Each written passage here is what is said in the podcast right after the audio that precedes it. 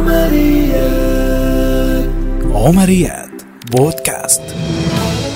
من هم فلسطينيو الداخل أو عرب 48 ولماذا يحب البعض أن يسميهم عرب إسرائيل؟ لماذا يخونهم العرب فيما يندفعون هم إليهم؟ سترافقنا قصة أبي أحمد وأشياء أخرى. أنا عمر أبو صيام وهذه عمريات بودكاست. عمريات. إنه الحادي عشر من آذار مارس من العام 1949 حيث انتهت الحرب التي شنتها المنظمات الصهيونية على الفلسطينيين بعد أن منحتها بريطانيا الضوء الأخضر في احتلال الأرض فيما يسمى بوعد بلفور بحيث يمنح أرضا بلا شعب شعب بلا أرض. يقف أبو أحمد عند شرفة منزله يراقب مدخل القرية تارة وينظر إلى الجبال البعيدة تارة أخرى. تدخل عليه زوجته بهية وتسأله شو يا أبو أحمد بين معك حدا؟ لا والله يا أم أحمد ما حداش مبين. أبصر وين صارت أراضيهم؟ شكلهم هجوا على الأردن أو لا سمح الله؟ لا تحكيهاش فال الله ولا فالك يا زلمة. ليش ما حكيهاش؟ ما سمعتيش عن مذبحة دير ياسين؟ بيقولوا راح فيها 300 واحد. منهم 25 مرة حامل و52 ولد صغير. لا يا أبو أحمد إحنا ودار أخوك ودار أبوك ودار أبوي طلعنا من البلد مع بعض بس إحنا ضعنا مع موجة هالناس وصلنا هاي البلد وهم طلعوا مع الناس اللي طلعت على الأردن. وشو بعرفك إنهم طلعوا على الأردن؟ بلكي راحوا على نابلس ولا هون ولا أي محل كريم. الله يجيب العواقب سليمة. ويلعن اللي كان السبب. هاي لنا سنة وثلاث شهور وهذا إحنا محبوسين بدورنا. الحاكم العسكري حاكمنا لا قادرين نطلع ولا قادرين ننزل. وإذا بدنا ننزل على البيدر بدنا تصريح. والله كانوا هذا الحكي.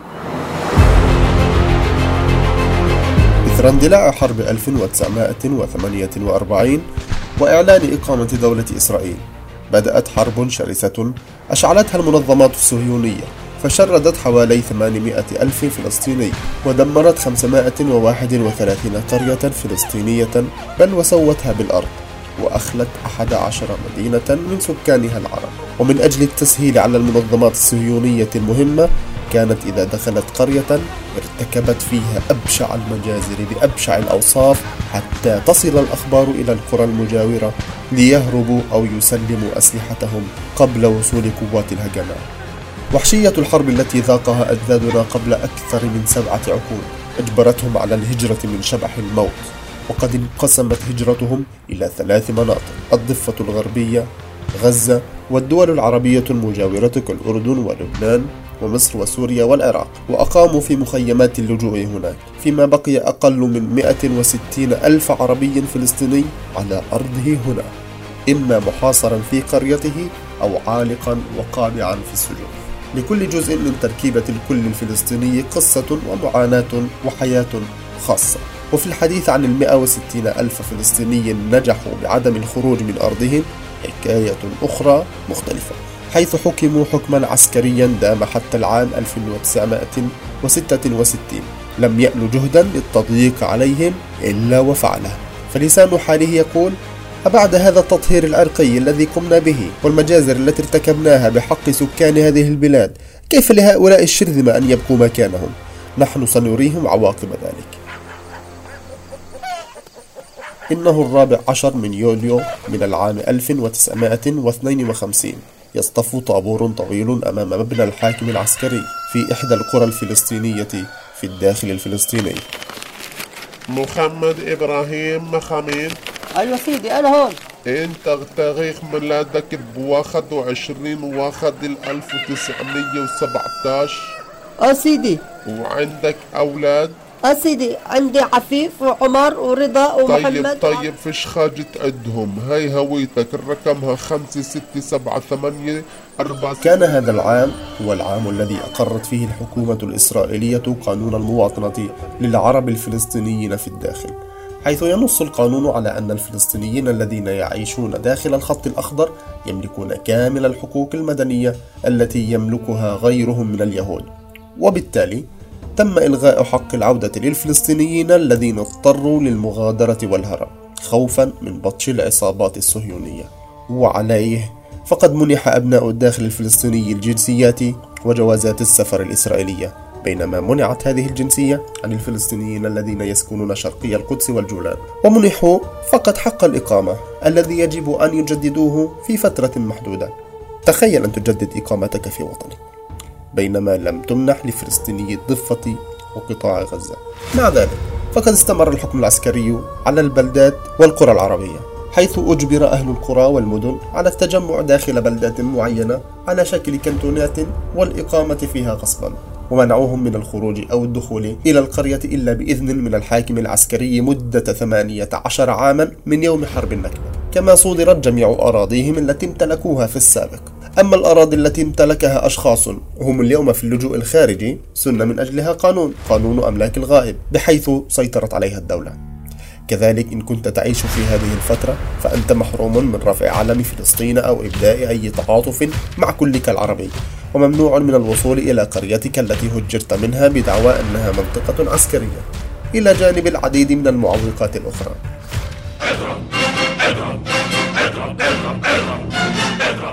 إنه الخامس من يونيو حزيران من العام 1967 يجلس أبو أحمد قريبا من الراديو ويستمع إلى الأخبار ومستجدات الحرب الجديدة التي أعلنتها إسرائيل على كل من سوريا ومصر والأردن خلقت هذه الأمة أمة شو يا أبو أحمد شو في؟ رح نتحرر يا ام احمد خلص هاي الاردن ومصر وسوريا بهاجموا باسرائيل وسيادة الرئيس عبد الناصر بجلالة قدره قرر يحررنا وأخيرا 240 الف جندي مصر قبال 50 الف اسرائيلي أكيد النصر النا ألف الحمد لله يا ربي وهاي زغروتي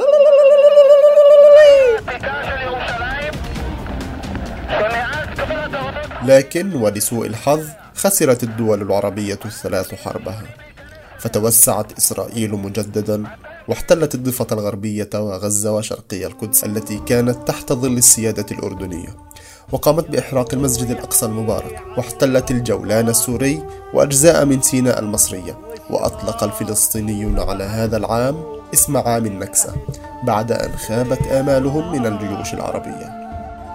ما في شيء سر الروح واشراح من ريحة وطننا والعشاب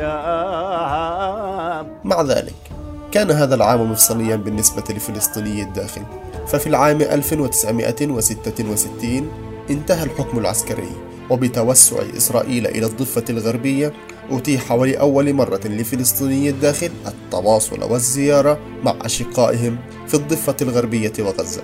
سبب هذا التواصل إلى إيقاظ جذوة الروح الوطنية من جديد والتي خفتت بفعل تراكم الأحداث والخوف من بطش السلطات الإسرائيلية بكل ما هو فلسطيني.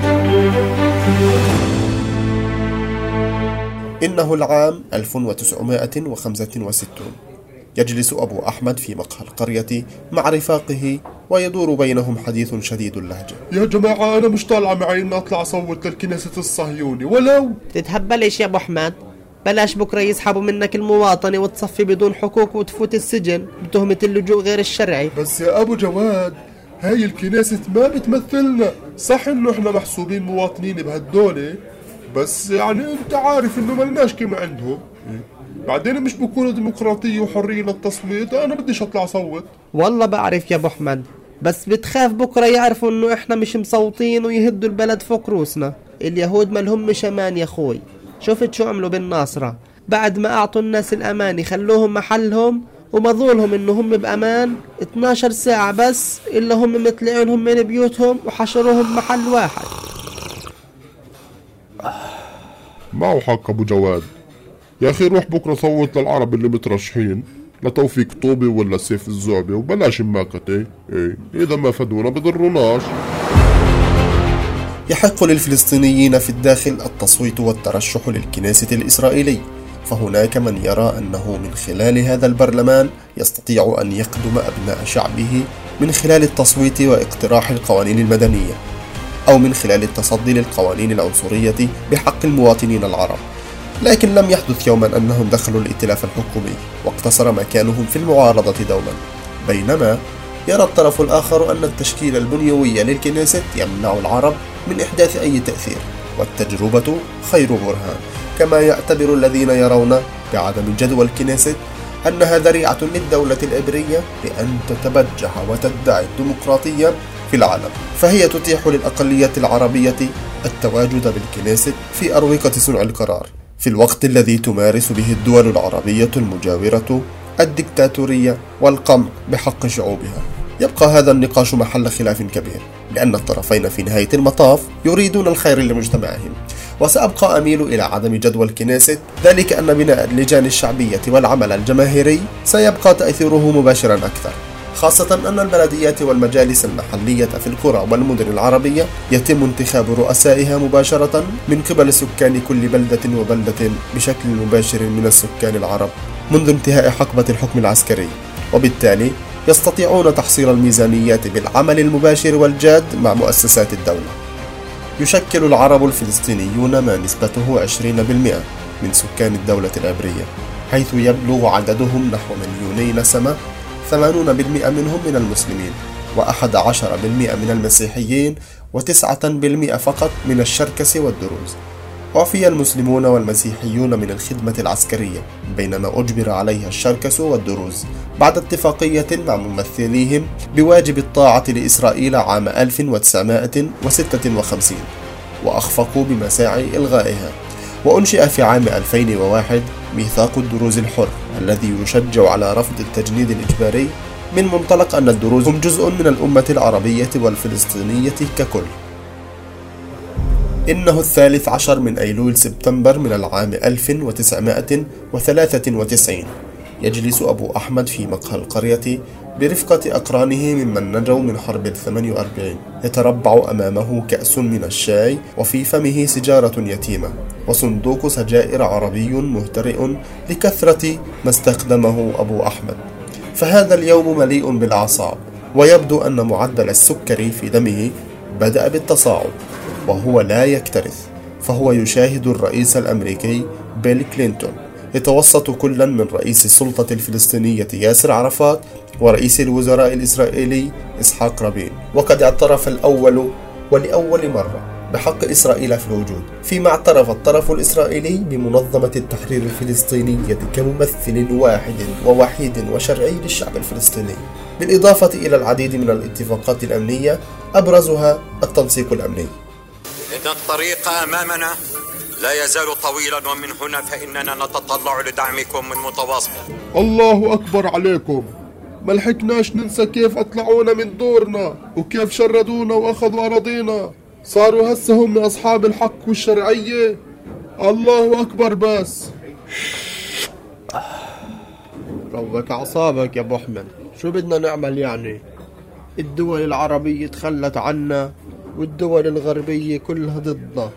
والشعب الفلسطيني بده يعيش. شو الخيار الثاني يعني؟ بعرفش شو الخيار الثاني وبهمنيش بس مش معاهدة سلام مع اللي بعده محتل أرضك وبيتك. كان لهذه الاتفاقية وقع كبير في الداخل فالأصوات الخافتة التي كانت تنادي بوجوب التعايش مع اليهود قد بدأت بالخروج إلى العلن وبصوت أعلى فيما خرجت الحشود المناوئة والمعارضة لاتفاقية أوسلو واصفة إياها بالخائنة للقضية. وهنا كان تحول مفصلي آخر في حياة فلسطيني الداخل جعلهم يشاركون باللعبة السياسية والاجتماعية بشكل أكبر وفاعل أكثر. تمثل في الأحزاب والحركات السياسية والوطنية التي نضج العمل بها.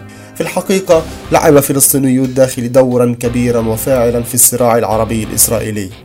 فكان لهم دورهم في الانتفاضة الأولى والثانية وقدموا الشهداء والجرحى كما كان لهم الدور الأكبر في المحافظة على أراضيهم. ولعل أشهر هذه الأحداث أحداث يوم الأرض الخالد عام 76 الذي ارتقى فيه ستة شهداء. وتم إعلان العصيان المدني العام نتيجة مصادرة مئات الدنومات من الأراضي الزراعية في منطقة الجليل. كما ظهرت منهم الحركات الوطنية الفاعلة. وفي العام 1980 شهد الداخل الفلسطيني صحوة إسلامية جارفة أفرزت عن ظهور قيادات إسلامية مثل الشيخ رائد صلاح والشيخ عبد الله نمر درويش والتي لعبت دورا محوريا في الحفاظ على الهوية الإسلامية والعربية وعلى رأسها قضية القدس والمسجد الأقصى المبارك. وبالإضافة إلى كل ذلك فقد تبوأ الفلسطينيون في الداخل مناصب إدارية حساسة ومتقدمة في مختلف الهيئات المجتمعية والمعاهد العلمية فالعشرات منهم عينوا إما كمديري مستشفيات إسرائيلية أو معاهد أو جامعات بالإضافة إلى إنجازاتهم غير المسبوقة علميا وأدبيا وثقافيا. وهذا أمر يفتخر به خاصة في ظل سياسة التمييز التي يعاني منها العرب ورغم سياسة تفضيل اليهودي على العربي. إلا أنهم قد أتقنوا اللغة العبرية جيدا واقتحموا بإمكاناتهم كبريات المؤسسات وتقلدوا مناصبها دون أن يغير ذلك في مبادئهم شيئا. كما لعب الضغط الشعبي الذي أفرزه الوعي الوطني دورا هاما في شأن الأسرى والحركة الأسيرة ولم ينس أبناء الداخل كلهم العربي فخرجوا في مظاهرات منددة بالمجازر في مصر واليمن في حينه. وتضامنوا مع أشقائهم الفلسطينيين ضد العدوان الإسرائيلي على غزة والضفة.